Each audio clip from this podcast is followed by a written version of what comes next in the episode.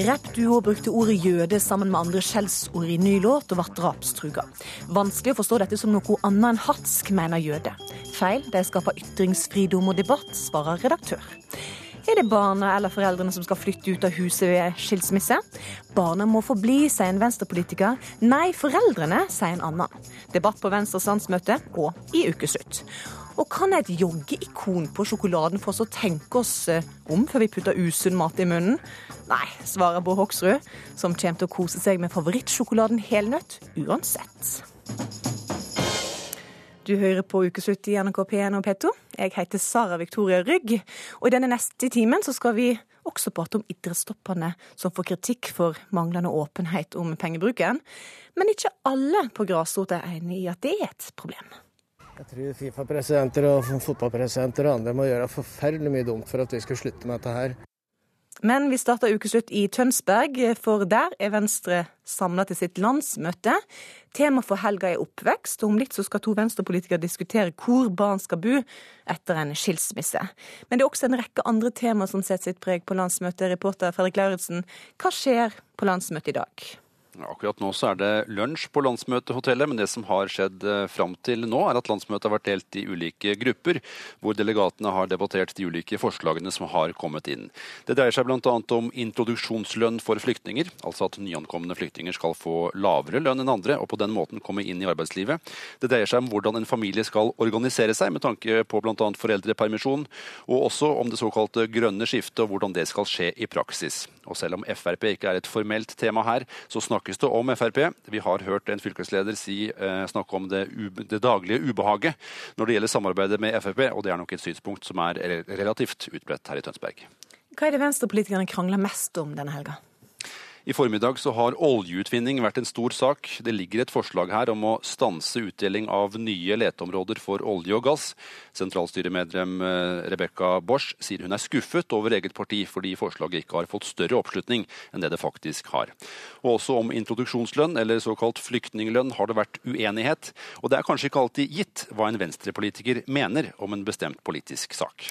Ja, for det er ofte sånn at jeg eh, har en, en, en venstrepolitiker og en venstrepolitiker til, så har en kanskje to forskjellige meninger. Vi har med oss to venstrepolitikere fra Tønsberg, eh, så da blir det kanskje to ulike meninger i denne debatten her, da. Oppvekst er altså tema for Venstres landsmøte, og et av temaene som skal diskuteres nå i løpet av dagen, det er hvem som skal flytte ut ved skilsmisse. Er det barna, eller er det foreldrene? Stortingsrepresentant Abid Raja, du mener at barn i særlige tilfeller skal sikres bruksrett for fellesbolig, og at derfor foreldrene skal flytte inn og ut. Hvorfor er det en god idé? Aller først så må jeg jo si at eh, Det er jo ikke unaturlig at man diskuterer eh, politiske forslag, eh, og at det er ulike meninger. og Det er derfor man har et politisk parti. og Der vil det være, der vil det være ulikheter. Ja. Og Så må jeg også adressere at det er mange andre punkter vi tar opp. men Akkurat nå skal vi diskutere dette, men det er viktig å huske at vi også tar opp store reformer som skole, SFO særlig, og ikke minst personvern for barna. Men dette spørsmålet som du ja, det, det, er viktig å smette inn sånne ting. vet du. Men når det gjelder dette med bruksrett til bolig, det, dette er jo vi foreslår få dette utredet. Eh, og litt av tanken her er at eh, når foreldrene først kommer i konflikt, så blir det en veldig usikker eh, situasjon for barna veldig raskt. Og når den situasjonen kommer foran en domstol hvor foreldrene ikke har klart å bli enige om noe på familievernkontorene, vi håper jo først og fremst at foreldrene skal klare å samarbeide, hvor man ikke klarer det, så legges det opp til flere møter, meglinger osv. også i domstolene. Og i de tilfellene, i noen tilfeller vil man kunne se for seg at man man kunne beslutte at barna eh, de får bli boende i den boligen som de har bodd i, mens foreldrene eh, flytter mellom den boligen og en annen bolig til de finner ut av hvordan de skal gjøre det. Så hvordan ser det ut for at det fungerer i praksis? Skal foreldrene da pakke kofferten en gang i veka og flytte ut, og så bo i felles hus en annen plass? Hvordan, hvordan blir dette her? Ja, dette er, eh, det er viktig å ha med at vi må ikke glemme at i det vanlige i dag er at det er barn som blir de som må ta den belastningen som er å flytte mellom flere hjem. Og de går glipp av sitt nærmiljø, hvor de går på skole. og De må forholde seg til den store, vanskelige situasjonen. Og så er det en eh, veldig flott familie som er illustrert eh, i VG eh, bare for noen dager siden, som forteller at dette er gjort i tre år. Eh, jeg syns kanskje det var veldig modig og veldig lenge, at man har klart å gjøre det i tre år. Hvor de har leid seg en felles bolig og deler på at man, foreldrene faktisk flytter inn ut av fellesboligen og den leieboligen.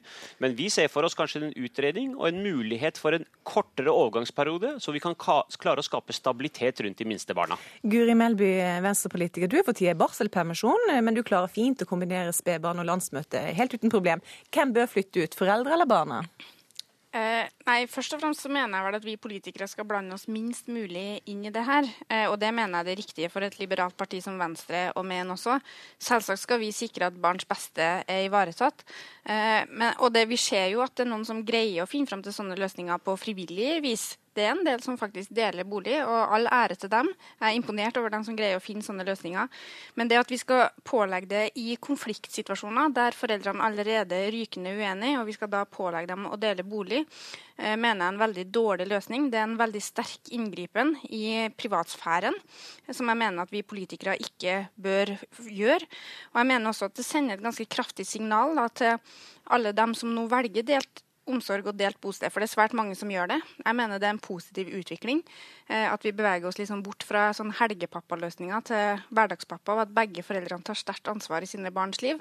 Og de fleste har jo den løsninga at barna må flytte mellom boliger, og veldig mange får det til å fungere godt. Jeg er sjøl i en sånn situasjon og er samboer med en mann som har et barn fra før. Og jeg synes at vi, vi sender litt sånn uheldige signal om at det ikke er godt nok for barna. For jeg tror veldig mange får det til på en kjempefin måte. Bor nær hverandre, sørger for at barna får besøk venner helt uavhengig av om de er til mor eller far, og at de får være med på fritidsaktiviteter uavhengig av om de er til mor eller far. Så, så det å, å, skulle blande oss så mye og lage egne løsninger eh, i konfliktsituasjoner der foreldre da må oppleve å dele bolig, eh, det tror jeg ikke er til barns beste, og det er en altfor sterk inngripen i privatsfæren. Ja, Abid Raja, Venstre er jo et liberalt parti. Er det, ikke litt rart at det offentlige skal da inn og organisere folk sitt liv på, på, privat, eh, på et så privat område? Ja, men Det kan du si, men eh, det er jo derfor vi foreslår dette for landsmøtet, og at vi skal utrede dette. Og Vi har nettopp tenkt barns beste, eh, og det er det vi har lagt til grunn. Og Det handler om da altså de minste barna. Som, eh, og det, det, er jo ikke noe ønsket situasjon at, at, man havner i en konfliktsituasjon foreldrene imellom. Og Det som er de mest sårbare i den konflikten, det må vi huske på, det er ikke de voksne, det er faktisk barna. Så Hensikten er å prøve å skape mest mulig stabilitet og ro rundt de barna. Utrede dette. Og så tror jeg, hvis vi legger til rette for det fra samfunnet sin side, at dette er en positiv ting, så tror jeg flere vil begynne å benytte den muligheten også. Men mener du, å... mener, du, at mange voksne i dag setter seg sjøl først, og så mm, ikke tenker hva som er best for barnet, når, de, når, de, når barnet må flytte inn og ut? Heldigvis har vi i Norge kommet så langt i dag at eh, vi klarer å tenke de beste løsningene for barna frivillig sjøl. Familievernkontorene gjør en fantastisk jobb, og foreldrene klarer å finne gode frivillige løsninger. Men så er det også de konfliktene som havner i rettsapparatet, som jeg tror de som jobber med disse sakene i domstolene Jeg har sjøl vært advokat og sett mange av disse sakene. Så vil man si at ja, ikke alle foreldre klarer å sette barnets beste eh, først. Eh, og der vil de måtte trenge litt hjelp. Og da kan den hjelpen komme både fra familievernkontorene, fra domstolene, men da må også politikerne forsøker å bygge opp under det. Guri Melby, det er de voksne som har valgt å gå fra hverandre. Hvorfor er det barna da som skal måtte pakke kofferten en, en gang i veka eller, eller eh, noe sånt, og så flytte fra venner og, og, og hus og alt? Nå er det sånn at barn faktisk er avhengig av de valgene som vi voksne gjør, i veldig mye. Eh, også foreldre sammen, som er sammen, kan jo velge å flytte til et annet sted. Det er ikke sikkert at barna er enig i det. Så barn må leve med konsekvensen av de valgene som vi voksne gjør. Og man kan mene at det er urettferdig, men sånn er det faktisk. Og, og jeg har veldig vanskelig for å se hvordan det her skal gjennomføres i praksis. Som jeg sa, så er jeg sjøl samboer med, med, en som har et barn fra før, og vi har jo nå fått et felles barn. Eh, og skulle, hvis han hadde vært i denne situasjonen, da skulle han vært tvunget til å flytte inn og ut av en bolig med sin eldste datter. Skulle vi da fulgt med på lasset, jeg og den nye sønnen f.eks., eller, eller skulle vi da ha delt bosted, vi også, med pappaen? Jeg tror dette blir en veldig kompliserende faktor i veldig mange familier sine liv. Og jeg har faktisk tillit til at de fleste greier å ordne det her på en svært god måte. Og jeg, som jeg sa i stad, jeg mener jo at det med delt bosted, sjøl om det kan være eh, tungt innimellom for barna om å flytte mellom to hjem, eh, så tror jeg at en kraftig forbedring at de har nær kontakt med begge foreldrene. Det er en veldig positiv utvikling vi har sett de siste 10-20 årene. At nesten én av tre foreldrepar velger delt omsorg. Det mener jeg er kjempebra. Og hvis vi skal begynne å pålegge dem å dele bolig, så tror jeg faktisk vi risikerer at færre velger delt omsorg. Kan jeg bare si én setning her, og det er at dette skal jo selvfølgelig ikke være hovedregelen. Dette må jo da benyttes individuelt i de individuelle familiene etter et godt skjønn fra domstolene. Og så vil jeg også legge til den lille jenta på ti år i VG som uttaler at vet du hva, etter den skilsmissen, det som er så flott, er at alle vennene mine vet at jeg blir boende der jeg er, og her kan de treffe meg når som helst. Det er en stor trygghet for meg. Dere det er noe å ta med seg videre. Dere må fortsette å diskutere dette her. Dere skal bli enige i løpet av helga, så får vi se hvordan det går. Takk for ja, at dere var med. Det er ikke sikkert vi blir enige, da, men én må nå vinne og én må tape. Sånn er det i politikken nå. Lykke til med debatten videre, Abid Raja og ja. Guri Melby. Det har rast rundt rappduoen Carpe Diem denne veka. De har fått mye kjeft, og ifølge seg sjølve har de mottatt drapstrusler. Årsaka er denne låta her. Hva mener? Det er ikke kjønn jeg mener. Det er ikke tiss eller føde jeg mener. Eller bikkje eller bøg eller kjøg jeg mener. Eller fitte eller jøde eller køde jeg mener. Jeg mener? Vits er en vits, Arid Sharan. Og dette er bars, bars, bars, ikke en saklig sjargong. Det er kanskje litt fort, så jeg skal repetere den delen av teksten som har fått mange til å reagere. Det er ikke tispe eller pødd jeg mener, eller bikkje eller bøg eller skjøge jeg mener, eller fitte eller jøde eller kødd jeg mener. Her var det mange ord som ikke skal brukes på radio, men dette er altså refrenget til Karpe Diem sin låt 'Attitude Problem'. Skribent, regissør og programleder eh, Monica Sjango, i går i VG så skrev du en kommentar med overskrifta 'Forklar dere Karpe'. Hva er det du reagerer sånn på? Først og fremst så oppleves det jo litt absurd at eh, jeg og Gunnar Stavrum møter her i studio uten Karpe Diem. Fordi at eh, de har eh, slengt ut denne sangen i offentligheten. Og de rett og slett nekter å svare på andre steder enn på Instagram og på Facebook. Og alle over 13 år vet at det er lurt å møtes face to face. Jeg kan komme tilbake til det litt. Det jeg reagerer på, er jo bruken av ordene. Dette her er eh, skjellsord, og ordet jøde er ramset opp i en rekke av veldig grove skjellsord. Jeg skal bare si at Vi har eh, spurt Karpe Diem om de ville stille her i dag. De har sagt nei takk, det ville vi ikke. Eh, du sier at det er vanskelig å ikke forstå den teksten på en hatsk måte. Mm. Jeg bruker veldig mye tid på å reise rundt på skoler i hele Norge for å snakke om hvordan vi bruker språket. I en undersøkelse gjort i 2012 så viste det seg at i Oslo-skolegårdene så var de mest brukte skjellsordene det var jøde, det var hore, og det var homo. Og det betyr at eh, jøde, som er en identitet, Eh, og for noen en religion, blir brukt som et skjellsord på linje med hore og homo, som heller ikke er eh, passende ord å bruke i en skolegård i det hele tatt, og ikke i offentligheten heller. Mm. Redaktør i Nettavisen Gunnar Stavrum, Carpe Diem, det er ditt norske yndlingsband. og I fjor så hylla du i avisa di Carpe Diem som mennesker som eh, åpna opp for ytringsfrihet og, og debatt i samfunnet. Hva tenker du om kritikken som har råka deg denne veka? Jeg føler at den er litt misforstått. Jeg forstår ikke teksten dit hen i hele tatt. Eh, den, den viktigste tekstforklaringa i, i, dette verset, det er jo åpningssetningen som sier sjamener, altså skjønner du hva jeg mener? Det er ikke kjønn jeg mener. Og så, og så, så ramser de opp en del ord. Og Jeg oppfatter teksten dit hen at den handler faktisk om hvordan vi blir misforstått og ikke får en god dialog i samfunnet ved at vi bruker merkelapper og skjellsord eh, som går på personer, legning, religion, istedenfor å gå på reelle saksdiskusjoner. Eh, denne debatten startet jo med at en ung jente som heter Eliana Hertz eh, skrev i Aftenposten at det knøt seg i magen på henne når hun, skrev, nei, når hun hørte denne teksten. Og når det kommer et sånn signal fra ei jente på 20 år som er av jødisk herkomst, så tror jeg vi skal ta det veldig alvorlig. Og da hjelper det veldig lite hva vi voksne, som er dobbelt så gamle som henne, fanger opp. Fordi at jeg må si at jeg tenker med gru på eh, at eh, Carpe Diem står og brøler fitte bøg og jøde fra scenen på Rockefeller, mens publikum taktfast står og roper med. Jeg hadde syntes selv det var utrolig ubehagelig og hadde ikke følt meg velkommen på den konserten, uansett hvordan eh, vi tolker det og tillegger dem eh, godhet i utformingen av teksten. En hører jo kanskje bare en låt sånn i forbifart, og så hører en ordet jøde brukt, og så tenker en ja, ja, da kan jeg slenge det ut av meg òg, da? Er ikke det med på å gjøre det mer normalt å bruke sånne type ord? Nei, og jeg, jeg mener at det, det, er en helt, uh, for meg en helt merkelig tolkning av Carpe Diem og hva Carpe Diem driver med. Ta et, ta et ord de har brukt i mange tekster. Svartinger, vestkantsvartinger. Altså de, de, refererer til en gruppe de selv tilhører, hvor det er helt åpenbart ikke ment som et skjellsord når, når, de bruker det, men det er de, de, de, skriver om at det ordet brukes, og så, så, så, så har de dikteriske tekster rundt det. og Eh, denne teksten her oppfatter jeg helt definitivt ikke som jødefiendtlig, og ikke homofiendtlig og ikke kvinnefiendtlig. Tvert imot så handler han om det, motsatte, etter mitt syn. Og, og eh, Carpe Diem har jo faktisk også svar på dette. Altså, De har jo skrevet hva de selv legger, legger i, tekst, i, i, teksten, og det er jo nøyaktig de følger som jeg sier nå. Eh, de sier også til slutt i, i sin forklaring at eh, at når de, når de, presiserer at ikke det er jøde som er ordet, men en kritikk mot Ariel Sharon, så forsøker de å si at det er fullt mulig å være kritisk til Israel, til Ariel Sharon, til maktbruk, eh, uten at du på en måte hater jøder av den grunn. Men, men du, du, har analysert teksten. Eh, Karpe Diem vil at vi skal sette oss ned og analysere teksten. Er det, er det naturlig å forvente at en eh, tilfeldig lytter kan gå og stå i dybden på en tekst og forstå den sånn som de vil at de skal forstå den?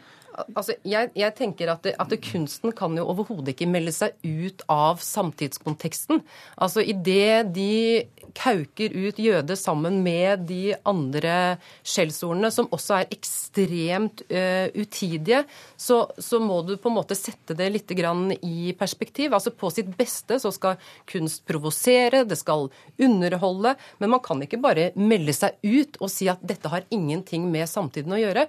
Og det jeg frykter, det er at eh, Carpe Diem ved denne teksten normaliserer bruken av ordet jøde som skjellsord. Nå vil jeg også presisere at eh, eh, jeg har aldri sagt at det er Carpe Diems skyld at jøde brukes som skjellsord. Det tror jeg at, eh, er viktig å, å understreke. Uh, det som opprører meg, er konteksten eh, eh, ordet, skjellsordet blir brukt i.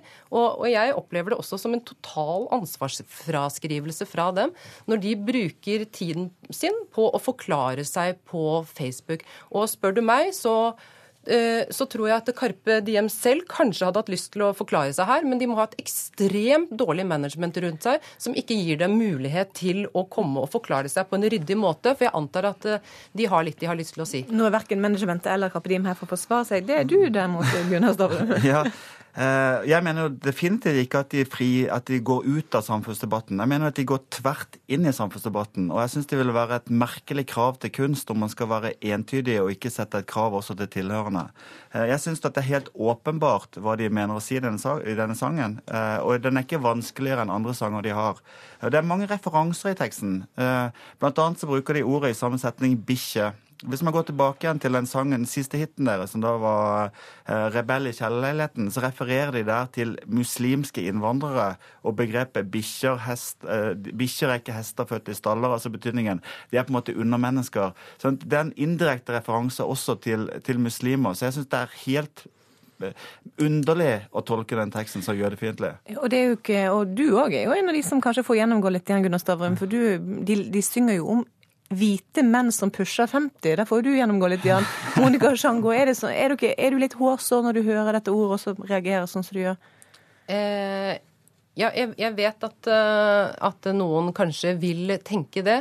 Uh, jeg har bare lyst til å repetere det jeg sa. At jeg tror at idet Carpe Diem bruker jøde som skjellsord, så tillater de og normaliserer en språkbruk. Må huske på at disse er en, en rapp gruppe med en enorm utstrekning. Det er mange som liker dem, som hører på dem, og som repeterer det de sier. Når de står og roper bøg, hore og jøde fra scenen, så gir det signaler om at dette er OK.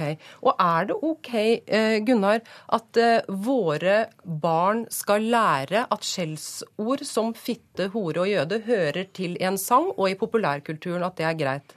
Det er veldig bra at våre barn hører en tekst hvor de forklarer at det er ikke riktig å bruke den typen skjellsår. Og det er jo det som er poenget i teksten. Uansett hvordan en analyserer denne låta, så kan en iallfall tenke seg om hva en sier når en går ut og, snakker med folk. Takk til deg, Monica Sjango, og takk til deg, Gunnar Staffren. Nå følte jeg at tilliten til norsk idrett ble svekka dag for dag. Kulturminister Linde Hofstad Helleland fikk nok denne veka av manglende åpenhet om pengebruken i toppledelsen i norsk idrett. Idrettspresident Tom Tvedt og co. har fått mye pepper for å holde reiseregningene sine skjult den siste tida. Og det ble ikke bedre da de først begynte å løfte på eh, sløret. For flybilletter på businessklasse til 14 000 kroner, og hotellovernattinger 114 000 kroner, og hotellovernattinger til flere tusen kroner natta, det er summer som er så høye at selv en programleder i Ukeslutt ikke klarer å, å si dem. Det ble eh, de fjerne fra vaffelsteikerne og loddselgende idrettsforeldre, som reporter Gry Veiby møtte. Kom hit! Gutter ti! Gabor, Basil! En gjeng shortskledde tiåringer strømmer til rundt eh, lagleder Sissel Lea Heggernes. Vi jobber med det der med sirkel, altså. Helst skulle de stått i en ring, men det er ikke så lett når det er radio på besøk. Kan vi se at alle får en plass i ringen? Kristian skal med, og Sander skal med. Og nå kommer Gabor. Gutta på Haugerud idrettslag elsker fotball. Vi spiller og har det gøy. Eh, og eh, jeg liker at det er lagsport. Ja, det er masse teknikk og lagsport, og vi har det gøy. Og man kan alltid bli bedre. Men i det siste er det ikke akkurat gleden ved idretten som har skapt overskrifter. Vi er inne i en ny tid. Og derfor så var det dessverre nødvendig å gripe inn og gjøre det jeg gjorde i dag. To ganger har idrettspresident Tom Tvedt blitt kalt inn på kulturministerens teppe med krav om mer åpenhet og innsyn i pengebruk. Og nå følte jeg at tilliten til norsk idrett blir svekka dag for dag. Eh, det er i deres interesse å bevare høy tillit. Svaret er ja. Jeg er for åpenhet. Og jeg er sikker på at det nye utvalget òg hadde kommet langt i dette spørsmålet, fordi at vi lever i en ny okay, tid. Men du kommer til å gjøre det kulturministeren ber om? Ja, altså, altså For å si det sånn, vi har alltid gjort dette i forhold til Kulturdepartementet. Vi har hatt en god dialog. Vi har rapportert før. Men da Idrettsforbundet løfta på sløret, viste kvitteringene reiser i 100 000 kroner toårsklassen, og mange spurte seg om avstanden mellom vaffelstekende fotballforeldre og idrettstoppene er i ferd med å bli for stor. Tusen hjertelig. Da ønsker jeg alle hjertelig velkommen. Eh. Fredag denne uka kalte idrettspresidenten inn til pressekonferanse. Føler du at du har tillit til grasrota i norsk idrett? Det er sånn at Jeg ble eh, valgt på idrettstinget i juni. Og mitt svar på at jeg har tillit Ja, jeg har opplevd den tilliten. Jeg kommer til å Eh, tro på den helt til jeg får et annet eh, eh, formelt, demokratisk tilbakemelding. Jeg kan ikke på noen måte skjønne at hemmelighold eh, skal føre til noe godt. Det sier leder i Harstad idrettslag, Knut Bjørklund. Han er skuffa over at ledelsen ikke er mer åpne om hva de har brukt penger på. Vi må huske på at aller meste av de som bidrar til idretten hver dag, de gjør det faktisk uten godtgjørelse, gjerne med, med utgifter.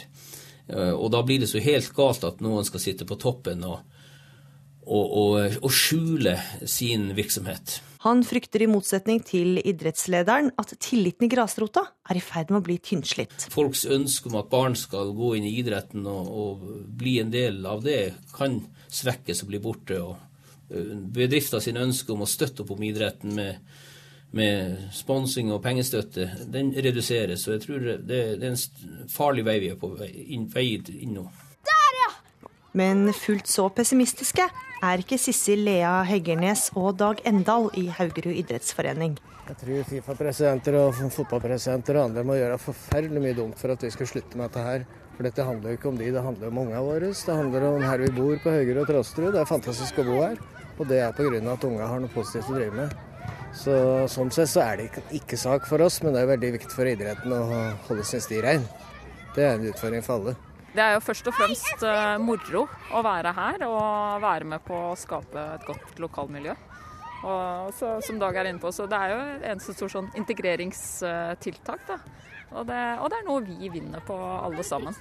Og det er helt uh, for min egen del uavhengig av hva de toppene driver med. OK, nå finner alle ballen sin! Ok. Sola skinner, Haugerud vinner, månen raper, de andre taper. Haugerud er best. Haugerud er best, altså. Du lytter til Ukeslutt i NRK P1 og P2. Hold fram med det å høre at vedtak om å lage en vigselsliturgi for homofile splitter kirka. Noen prester jubler, medan andre vurderer å melde seg ut. Må ta runder med meg selv på om, om jeg skal la meg ordinere. Så ser jeg ingen framtid i Den norske kirke. Og Nitimen-programleder spøkte med å ta syklister med sidedøra. Usmakelig og dårlig humor, mener sykkelentusiast. Syklister er en humørløs gjeng, svarer kommentator. Vi skal til et forslag fra Storbritannia. Der vil de nemlig merke usunne matvarer med treningsikon, for å vise hvor mye du dømes må jogge for å kvitte deg med isen du akkurat åt. En god idé? spurte reporter Brage Berglund. Du har jo en donut i hånda. Hadde du eh, latt være å spise den hvis det sto hvor lenge du måtte løpe for å forbrenne energien din? Mm, det kan faktisk godt hende. For hvis man først ser det, da kan man med en gang innse at eh, det kanskje ikke er så sunt, da. Her er en kopp med frappuccino mocca. Hadde du latt være å drikke den, tror du? Hvis det sto hvor lenge du måtte trene for å forbrenne energien din? Nei, det hadde jeg ikke gjort. Fordi jeg syns det er godt, og jeg trener uansett, så ja. Selvfølgelig Nå som jeg ikke vet sånn nøyaktig hvor lang tid det tar før de kaloriene og alt det der blir borte, så blir man jo litt mer sånn bevisst, det skjønner jeg. Men jeg liker å kose meg, så jeg tenker ikke så mye på det egentlig da. Visste du at du må løpe i 25 minutter for å forbrenne en liten blåbærmuffins på 265 kalorier, eller gå i 31 minutter for å forbrenne en liten pose chips med 171 kalorier. Britiske Royal Society for Public Health lanserer nå en ny idé som de mener vil gjøre folk mer bevisste på hva de putter i munnen. De vil merke mat med treningsikoner. Livsstilsveileder og eier av treningsstudio Smart, eh, Smart Training, Helle Bornstein, du mener dette kan være en god idé også i Norge. Hvorfor det? Jo, jeg tenker eh, jeg er veldig positiv til tiltak og ideer eh, som kan informere og bevisstgjøre forbrukeren om hva mat inneholder. For eh, slik som jeg opplever det med de jeg møter, eh, så har de en forståelse av eh, kalorier, og at det skal være en balanse på hva som går inn og går ut. Men jeg mener det er et stykke ditt hvor folk skjønner hva som er i en matvare. Da. Og Hvordan er det da effektivt å se denne treningsikonen? Jeg tenker at de, Dette ikonet gir en informasjon om bevisstgjøring som jeg opplever ikke er der i dag. Mm. Så derfor er jeg positiv til en sånn idé. Bård Hoksrud, Frp-politiker. Hva tenker du om en slik type merking? Nei, altså jeg mener i hvert fall at ikke det skal være noe lovregulering av den type ting. fordi det er nok av lover og regler i dette landet her til at vi skal begynne på dette området også. Eh, men det er klart at hvis noen ønsker å gjøre det, så har jeg ikke jeg noe imot det. Men for meg så handler det om at dette er mer enn godteri og mat og alt sånt, men det handler faktisk om hvilket samfunn vi skal ha. Skal vi ha et samfunn hvor alt skal styres, alt skal reguleres, alt skal eh, hjemles med lov, eller skal vi faktisk ha et samfunn hvor folk får lov å ta litt ansvar for egne valg? Og det, det er det som er det viktigste. Jeg har sett mange bilder av deg på internett, der du koser deg med alt fra smågodt til sjokolade, sjokomelk, bensinpølse, bensinstasjonpølse. Det fins faktisk en egen side som heter Bård Hoksrud spiser ting på internett. Der er det masse fine bilder der du koser deg. Men din absolutt favorittsnop, det er eh, helnøttsjokolade. Derfor har jeg tatt den med i studio i dag. Jeg kaster den bort til deg nå, hvis du klarer å ta tak i den. Del, Oi! Det var bra. Del gjerne med Helle. Ja, Thank you. Dersom det sto på den sjokoladen der et ikon du må ut og springe i en halvtime for å spise. Hvordan hadde det gjort med gleden din ved å spise den sjokoladen? Jeg tror kanskje at jeg hadde spist sjokoladen like godt, og så hadde jeg kanskje hatt litt mer dårlig samvittighet etterpå.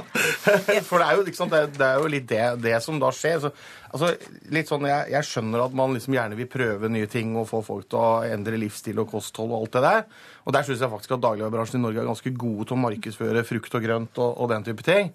Eh, men jeg tror ikke det blir noe bedre. Jeg tror ikke at jeg kommer til å trene noe mer fordi at jeg har stått på, på pakka. Kanskje bare litt mer dårlig samvittighet. Ja, for det er det som er, poenget her. Litt dårlig samvittighet. ja. ja og, det, og, det, tenker jeg at det må vi unngå. Altså, Jeg er ikke interessert i å ha dårlig samvittighet. og jeg er ikke interessert i at jeg møter, skal få det heller. Eh, og Hvis det er eh, resultatet av dette forslaget, så har vi bomma. Mm. Jeg tenker at Nøkkelen her er informasjon og bevisstgjøring. Og som Bård sier, jeg ønsker at folk skal ta ansvar for egen helse, men da må vi hjelpe dem. Og sånn som jeg ser det nå, så har ikke folk nok informasjon. Eller informasjon, den, den går ikke inn. De skjønner det ikke. Så om et treningsikon kan gjøre at de tenker at hm, kanskje jeg da skal ta en mindre potetgullpose enn den store, så tenker jeg applaus, altså. Det kan hende at eh, den generasjonen min og eldre kanskje jeg er litt for seint å prøve, prøve, å påvirke, men, men, det er faktisk Fakta er at ungdom i dag de er både eh, bedre trena, de er mer opptatt av kosthold, og de er mer opptatt av å, å, å være sunne og friske. Eh, så det er noe som har skjedd der. Så jeg tror at de aller fleste er egentlig ganske klar over at hvis man putter for mye av dette godteriet inn i, inn i munnen, så, så blir man større. Og derfor så er det sånn at jeg tror de aller fleste er veldig klar over hva det handler om. Men så er det ikke sånn, de kan ikke drive, og det er derfor jeg også har hatt noen av disse Nei, jeg, dumme nei, men jeg tror ikke det. Jeg er ikke enig. Jeg tror ikke folk er så klar over det. eh, Og det hørte vi også på tilbakemeldingen. Hvis man er klar hvis det står et merke Oi, gud, må jeg løpe i 60 minutter? Jeg er ikke interessert i å løpe i 60 minutter. Nei, men da tar jeg den litt mindre. Jeg kan kose meg for det. Fordi for all del, vi må kose oss. Men jeg mener, come on, vi kan ikke drive og kose oss i hjel. Vi skal ikke kose oss i hjel, men jeg tror ikke, for meg så hadde det ikke vært sånn at jeg hadde lagt den tilbake fordi det sto at jeg skulle trene 60 minutter. Eh, Men, eh, men eh, og, og jeg mener at Men de fleste ikke klarer dette to, på en god måte. Kanskje du bare har tatt én? Ja, ikke sant? Det vet du ikke. Nei, det... Men hvis Bård Hoksrud nå skal kose seg med sin favorittsjokolade, Mhm. hvor mye må han ut og trene dersom Nei, altså hvis han, det er et poeng her at Hvis du skal holde vekten, for dette er jo et, en kampanje eller et forslag for å unngå fedme, hvis det er målet, så bør han jo være i aktivitet i iallfall 60 minutter. Men altså, du må jo ikke løpe. Det går jo an å ha det hyggelig med kona eller gjøre noe annet hyggelig, men du må være i aktivitet 60 minutter, altså.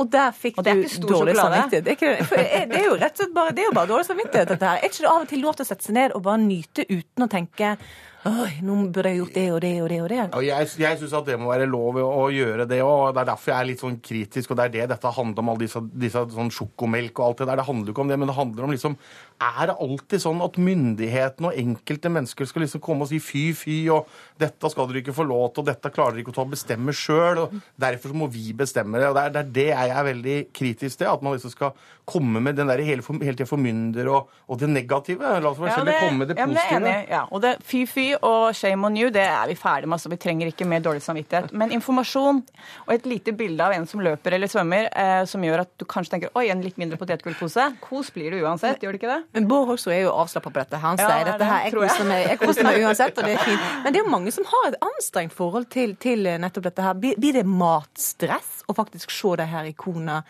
merka rundt? Det flere flere Jeg, jeg eksperter som mener ikke det. Jeg vet jo ikke. Dette er jo et forslag som kommer opp, og hvis det blir det, så er det jo veldig uheldig.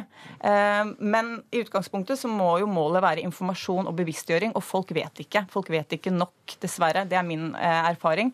Eh, Og igjen, hvis det gjør at de kan fortsatt kose seg, men spise en litt mindre potetgullpose, så igjen, jeg klapper. Ja, Det er veldig bra med informasjon, og jeg syns det er viktig å drive informasjonsarbeid. Og det gjør man jo veldig mye også fra myndighetenes side, nettopp fordi det Vi ønsker jo å informere folk sånn at man skal ta valga, og at man tar valga sjøl, og det er det som er poenget her. Eh, Og det er bare sånn, Jeg er ikke sikker på om man har behov for en, eh, et lite merke som sier at du må trene 60 minutter ekstra eller 40 minutter ekstra. Det, det, det er der vi er da litt, litt uenige, men, men, men, men vi er veldig enige om at det, selvfølgelig så er det sånn at man bør tenke på hva man putter inn i, inn i munnen, og fordi det, det kan få Ja, og det er vel konsekvenser for helsa egentlig sluttkommentaren fra min side. At vi bør tenke på hva vi putter i munnen, og med en sånn liten lapp så er det enda lettere. Ukeslutt har vært i kontakt med helseminister eh, Bent Høie, og han sier det at, eh, og jeg siterer, det er bred enighet om at nøkkelhullordningen er den ordningen vi skal satse på når det gjelder merking for mat i Norge. Det betyr at du kan kose deg med sjokoladen din, Bård Hoksrud, framover uten å se det der ikonet.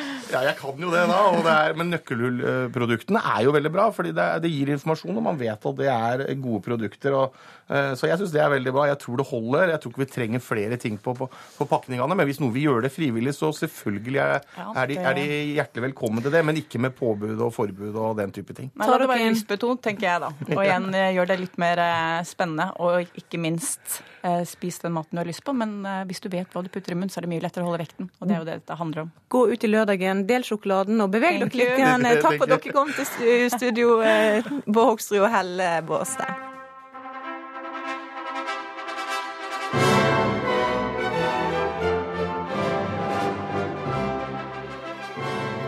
Kirka er splitta etter at kirkemøtet mandag vedtok at homofile skal få gifte seg i kirka. Mange prester mener det er tungt å svelge at likekjønna skal få sin egen vigselsliturgi, noe de mener er i strid med Jesu lære. Ukeslutt reporter Torkil Thorsvik har møtt eh, både de som nå feirer, og de som sørger. Guds styrke lysa skulle som høgt på bergeinstad. Brorskapet Johanneskretsen søng salma i et lite kapell på Solåsen pilegrimsgård i Son sør for Oslo. Johanneskretsen er et fellesskap for menn, prester og teologistudenter som mener kirkens lære ikke skal forandre seg etter samfunnsmessige interesser. Det er jo eh, med sorg at vi opplever at eh, den kirken som vi hører til, er blitt noe helt annet enn den, enn den kirken den skulle være. Det har vært ei tøff uke for sogneprest i Sandviken i Bergen, Sverre Langeland og resten av Johanneskretsen. For på mandag ble det klart. Forslaget er vedtatt. Regnbueflagget, de homofiles flagg, veiet på kirkemøtet i dag. Vi hadde jo et stille døgn når kirkemøtet drev og diskuterte dette. Johanneskretsen satt i stille bønn på mandag, men etter hvert ble fristelsen for stor for teologistudent Benjamin Bjørnsen Anda. Så jeg må innrømme at jeg måtte snike meg inn på, på Facebook på kvelden før jeg skulle legge meg. For vi, vi skulle jo ikke snakke sammen. Og, eh, og, det var jo en et, Ikke et sjokk, for det, det var jo venta. Samtidig så, så, var det veldig tungt og vanskelig. Når jeg først får en nyhet som jeg opplever ganske tung, og jeg deler, deler Sverre sin sorg over at kirken ikke lenger er, er det den skal, skal være. Teologistudent Mikael Brun forteller meg at han nå er blitt usikker på om han vil bli prest i Den norske kirke. Så jeg må, må ta runder med meg selv på om, på om jeg skal la meg ordinere. For nå står jeg jo på, på terskelen til min, til min, tjeneste. En sogneprest i Rogaland varsla på tirsdag at han slutter som prest og melder seg ut av kirka. Sverre Langeland vurderer nå om han skal gjøre det samme. Uten ordninger for menigheter der vi kan overlevere den troen vi har fått, så ser jeg ingen framtid i Den norske kirke. Så det året som kommer, blir veldig viktig og avgjørende for min del. Samtidig som Johanneskretsen gikk i stille bønn på pilegrimsgården i Son, var det full feiring blant andre prester. I en park i Oslo fyk champagnekorka til værs. To unge prester og fire teologistudenter skåler for kirkemøtets vedtak. Skål! Skål for kjærligheten! Nei, altså Det er jo klart det er en stor dag for Den norske kirka, og det er en stor dag for meg sjøl som homofil. Å få lov til å komme til kirka med hele meg.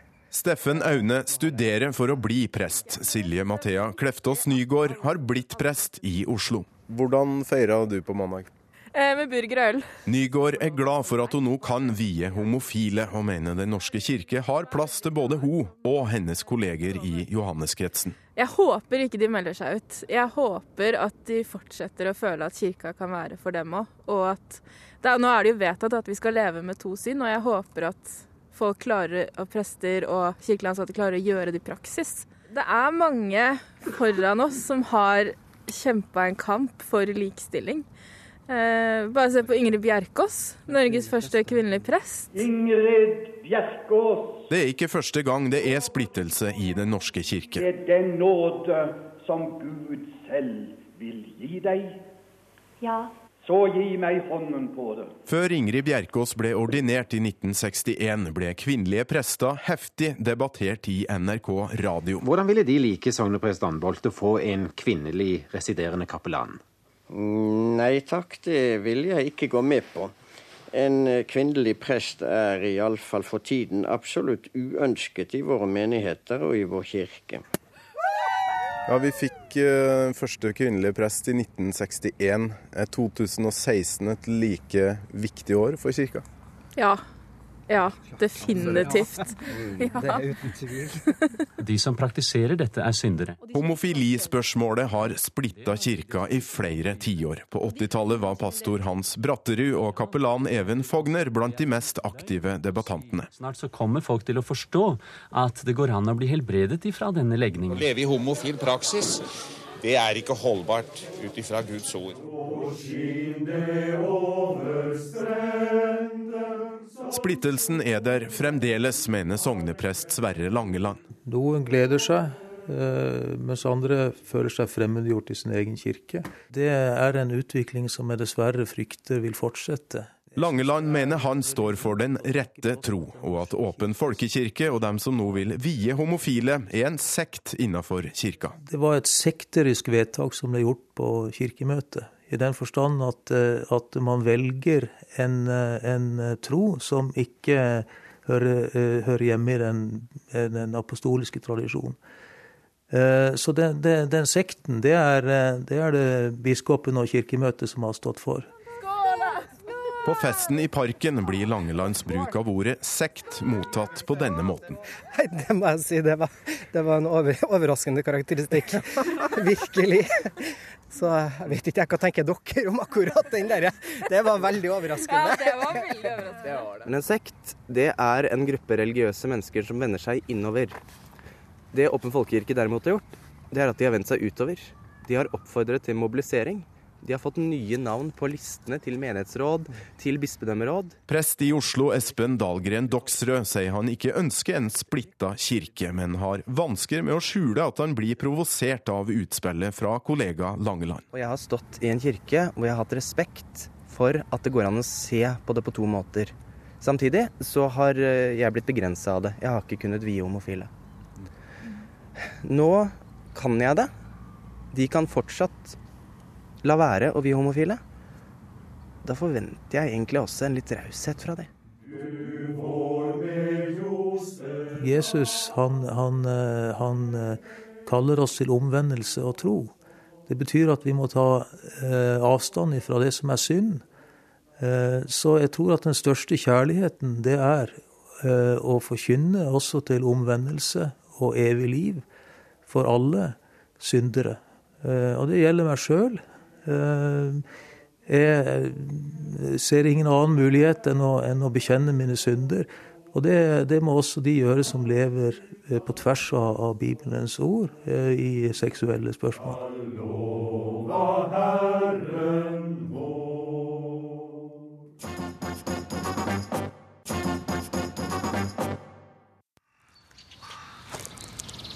Det er april, og det er vår i lufta. Fuglene kvitrer, og hestehoven presser seg opp av jorda. Og mange har børsta støv av syklene sine og hevet seg ut i trafikken igjen. Og med det så har vi fått nok et sikkert vårtegn, nemlig den evigvarende kampen mellom bilister og syklister.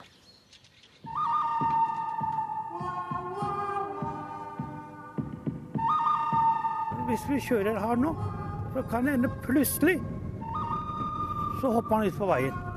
Da sperrer jeg sånn, jeg. Sånn, Da kommer ikke han forbi. Nå kommer han ikke forbi. Jeg ligger på inneren, og så ligger det en nydelig fin vanndam på siden. Og bilen kunne ha bremset opp, men har valgt da å gi meg en liten kalddusj. Hva gjør du da? Jeg banner. og gir den fingeren. Er jeg litt slem mot ham? Kanskje jeg presser han ut av veien? Ja, det hender. Så da må du stoppe og smelle hardt i bilen med hånda. Flat hånd. Da kommer de fort ut. Da blir de illsinte. Og denne veka heiv til og med Nitimen-programleder Pål Thoresen seg inn i debatten om hvem som har retten til veien. Hør bare her. Nå står også sommersyklistene i fare for å, for å, bli mislikt, men det er jo en løsning som jeg ser noen gjør. Det er rett og slett å, å, å bare åpne døra. Ja, men du, du Hvis du senker farten ned til ca. 20-30 km i timen, så åpner du diskré døra, så rydder du opp det som måtte være langs, langs veikanten i dag. Og det er jo en, en mulighet til å gjøre det på. Mange reagerte på den spøken, og flere klaga inn til NRK. Olav Torvund, du er jusprofessor og sykkelentusiast. Du gikk ut kraftig med kritikk av denne spøken. Hvorfor var den ikke moro? Nei, øh, først syns jeg altså Tåler du ikke en spøk? Det er det mobberne alltid bruker å forsvare seg med mot andre. og Det er en veldig sånn over, uklar overgang mellom spøk og mobbing. og Jeg syns Pål Thoresen var langt over streken. og jeg synes, altså Man tåler en spøk, selvfølgelig, men det, sånn, det meste av det som serveres, og det Pål Thoresen serveres her, det er sånn rasistiske negervitser, sexistiske blondinevitser og homofobe homsevitser som du liksom vanligvis finner langt nede i grums i kommentarfeltene og noen sånne enkelte Facebook-grupper. Man venter ikke å få høre det av en programleder på NRK. Men hva var det som var, Nå, nå er ikke Pål Thoresen her for å forsvare seg, eh, men hva, hva var det som var så problematisk med akkurat dette her, med å åpne bildøren og dulte borti en Fordi syklist? at på veien så er syklistene en svak gruppe, og, det er alt, og de fleste bilister er helt OK og hensynsfulle, for all del har sagt det. Men det er mer enn nok av dem som mener at de eier veien, og de skal ta syklistene og bruke bilen som våpen mot syklistene. og Presse dem av veien, kjøre forbi og bråstoppe. og Noen kan bruke døra. Akkurat hvordan man gjør det, det er uinteressant. Men dette er faktisk noe som skjer. Folk blir ja, opplever det jevnlig, at bilistene skal liksom hevne seg på dem på en eller annen måte. Folk blir skadet av det, og folk kan bli drept av dette her. Og jeg synes En oppfordring som innebærer en oppfordring til å skade eventuelt drepe folk, det er ikke humor. Anders Grønneberg, du er kommentator i, i Dagbladet. Jeg hater syklister og elsker NRKs Pål Thoresen, skrev du i en kommentar i avisa di denne veka. Hvorfor var dette her en artig spøk? Ja, nei, for det, det, handler ikke om rettigheter til bilister eller syklister eller andre trafikanter. Dette her, Debatten er egentlig om humor, og her syns jeg, syns jeg veldig mange, inkludert uh, Torven her, tar veldig feil. Nå er jeg heldigvis ikke noen professor i noe juss, og sånn, så jeg er som legmann å betrakte. Og det er jo kanskje man har legfolk man skal uh, dømmes. og, og Eh, og, og det går av det må da kunne gå an å også fleipe med, med, med, med, det her. Og det var jo en morsom, mild vits. Eh, jeg, vitsen er veldig gammel. Den kommer av en, en totning eller noe sånt som er i, i, i, byen for første gang, og så lurer han på hva de hvite strekene i veien er for noe. Så sier taxisjåføren, for han sitter baki i en taxi, nei, er akkurat der har vi lov til å kjøre der fotgjengerne. Å ja, og plutselig så smeller det. Mm. Og, så, og så lurer taxisjåføren hva, hva skjedde. Nei, jeg så at du Jeg, jeg ser jo at du ikke traff en, eller noe sånt, så, gjerne, så jeg tok den med bakdøra. Og det er, det er, en vits helt opp mot den Thoresen eh, sier, så, så dette er bare tull. Men Torben sier jo at det er mange som opplever dette her ganske alvorlig i, i, eh, i trafikken. Skal en da spøke med noe så alvorlig som kan faktisk føre til i den kommentaren som jeg skrev i, i Dagbladet, der skriver jeg at jeg, jeg, jeg, hater alle. Og jeg er eh, Jeg høres mannevond ut. Men jeg er syklist, jeg er fotgjenger, jeg er scooterist, jeg er motorsyklist. Jeg er bilist, og jeg har faktisk kjørt russebuss i går. For, så jeg, jeg, er, jeg, er, ute i trafikken. Og, og, og jeg når jeg er syklist, så er jeg forbanna på øh, frekke bilister. Og bak rattet så kan jeg sikkert være litt frekk sjøl. Så, så, man er seg sjøl nærmest. Men vi kan ikke slutte. Vi må ha fokus på, på trafikksikkerhet, men vi kan ikke slutte å, å harselere og ha det morsomt. Er, er med litt, ulike grupper. Er du litt humørløs fordi dette her faktisk rammer deg? Du er en sykkelentusiast. Jeg tror ikke det. Altså, det meste av det som sies, er jo gamle vitser som har blitt resirkulert i, mot så mange grupper før, så jeg syns ikke det er noe morsomme lenger. Det er noe eh, det. Er noe det. Men altså Og jeg trodde jo egentlig ikke at Nitimen og Jeg innrømmer at jeg hører gjerne ikke på Nitimen. Hører jeg på radioen klokka ni om morgenen, så hører jeg heller på ekko. Men, men, men, eh, jeg trodde jo at det ikke bare var tull, det som ble sagt her. Så jeg gjorde kanskje den feilen at jeg liksom tok han litt på alvor. Det er ikke noe spøk i det han sier. Altså, Nitimeredaksjonen har forklart dette som en spøk. Omtrent, hvis jeg spissformulerer litt, og sier at Pål Thoresen er en useriøs tulling. Han snakker bare tull. Ingen tar han alvorlig, derfor kan vi ikke ta han alvorlig med dette heller. Det er liksom det de sier. Det er omtrent som en forsvarsadvokat. Du er veldig humørløs, og du men, hører men, på P2 om morgenen, og det er greit nok, det, men du, du, du, du må høre litt mer på, på, på Nitime og så få litt, få, litt, få litt, glede og litt humor inn i livet ditt. Det her er jo veldig trist å høre på. Det får jeg på mange andre måter, men det med å komme med sånn uttalelse, så legitimerer representerer han noe som er en holdning blant mange, som er et alvorlig problem. Og jeg har sammenlignet det med, og det står jeg for, at det er omtrent som man skulle oppfordre til voldtekt og etterpå si at det bare er en spøk. Ja, for det fikk du veldig mange reaksjoner på. Mange mente at du dumma deg ut akkurat på samme måte Thoresen gjorde. Nei, vel, jeg sa at det han gjorde, var som om han skulle oppfordre til det. Og, den sammenligningen, den står jeg for. Ja, men hør nå, vi vitser med alle grupper. Vi vitser med samer, nordlendinger. Vi vitser med pakistanere, negere. Det heter jo ikke det lenger. Eh, det eneste jeg kan tenke meg er litt vanskelig å, å vitse med, det er litt sånn Utøya-vitser. De, de, tror jeg ikke kommer med de første. Men, men uh, vi, vi, kan da spøke med absolutt alt. Og, og, to, og Thoresen var jo langt, langt innafor det her. Det her syns jeg du og mange uh, syklister tar dere veldig høytidelig. Og, og, og framstår som, som moralistiske og, og, og gretne og kjedelige mennesker. Bård Tufte Johansen sa en gang han laget sitt show Mann 44, har funnet at det eneste som det fortsatt er lov å mobbe, det er middelaldrende hvite heterofile menn. Og hvis de attpåtil sykler i tillegg, så er det, da er man virkelig et lovlig offer i, dette. Men jeg, jeg syns altså ikke det er morsomt å oppfordre til å skade og og i verste fall ta livet av folk, når det er faktisk det som er realiteten bak det han sier, hvis noen følger opp. Og jeg ler ikke av sånt. Er det lov å spøke med alt? Torben skriver da f.eks. på bloggen sin at dette her blir jo like dårlig humor som f.eks.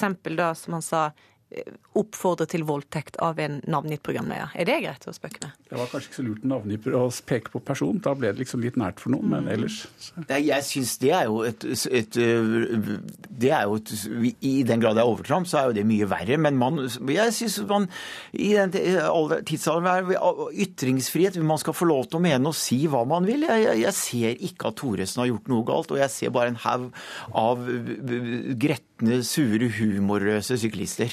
Er syklister en så svak gruppe at dere ikke kan spøkes med? Nei, Tåler utmerket godt å spøkes med. Det er ikke noe problem. Og Jeg er sterkt tilhenger av ytringsfrihet, og jeg har ikke sagt at han har sagt noe ulovlig. Jeg har sagt at han har sagt noe utrolig dumt, og jeg syns det er liksom et under det lavmål jeg forventer av en programleder i NRK. Vi har snakka med ni... Har Nitimen ikke respektert tilsvarsretten når de ikke har fulgt opp dette etter de klagene de har fått? Vi har snakka med Nitimen-redaksjonen, og de, de sier at de, de står inne for spøken. De har ikke hengt ut én en enkelt person, og de mener de må få lov til å spøke med alle mulige grupper i samfunnet, og det gjelder også syklistene. Og så vil jeg bare si at Og, og, og nå har det kommet til enda en vits på bordet, for nå har Kringkastingsrådet fått en klage fra, fra sykkel, Norges Sykkelforbund og Landsforeningen et eller annet Syklistforeningen.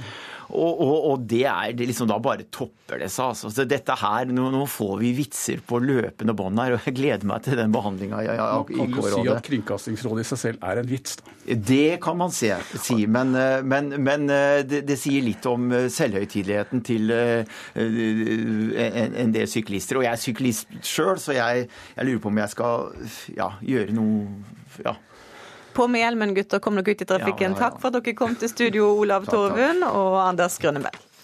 Og da har du kommet i studio, statsmeteorolog Bente Wahl. Du kan fortelle oss at mange av lytterne kommer til å oppleve mye nedbør i løpet av natta? Ja, i hvert fall de som bor rundt Skagerrakkysten. For her vil vi få inn et nedbørområde nå i løpet av sen kveld og natt. Og det gir mye nedbør, og det gjelder egentlig ytre strøk av Aust-Agder, Telemark. Oslo, Akershus, Vestfold og Østfold, også Buskerud, og kan faktisk gi en 20-30 mm på 12 timer. Og dette vil også gi en del vind, da nordavind med kuling på kysten fra Rogaland til svenskegrensa. Dette nedbørområdet det vil bevege seg inn i Sverige første del av søndagen, og da blir det etter hvert bra vær igjen over hele det østafjelske. Men da i fjellet og vest i fylkene fra Agder opp til Oppland, så vil det jo være fint da fra tidlig på dagen. På Vestlandet og Trøndelag der skjer det ikke så veldig mye før utpå dagen i morgen. Fortsatt noen byger, flest nord for Stad. Men utpå ettermiddagen i morgen da øker det på til sørvest kuling, og så skyr det til. Og i morgen kveld er det de som får regn, med sludd og snø da i høyden. I Nord-Norge så er et svakt nedbørområde på vei nordover i Nordland. Det gir en del skyer i hele Nord-Norge. Litt nedbør nå vesentlig i grensetrakten av Nordland. Men i kveld så trekker det, dette også nordover da til Troms og Finnmark med sludd og snø da i indre og høyre strøk. I morgen så blir det etter hvert sol både i Nordland og Troms, men fortsatt noen byger her og der. Finnmark får mer skyer, og i Øst-Finnmark så kan det komme litt sludd eller regn og stort sett lite vind. Og Spitsbergen, der er det ikke store endringene. Østlig bris og lettskyet kaldt vintervær, og det blir det både i dag og i morgen. Ukeslutt er over for i dag. Ansvarlig for sendinga var Åsa Vartdal. Erik Sandbråten styrte teknikken, og jeg heter Sara Victoria Rygg. God helg!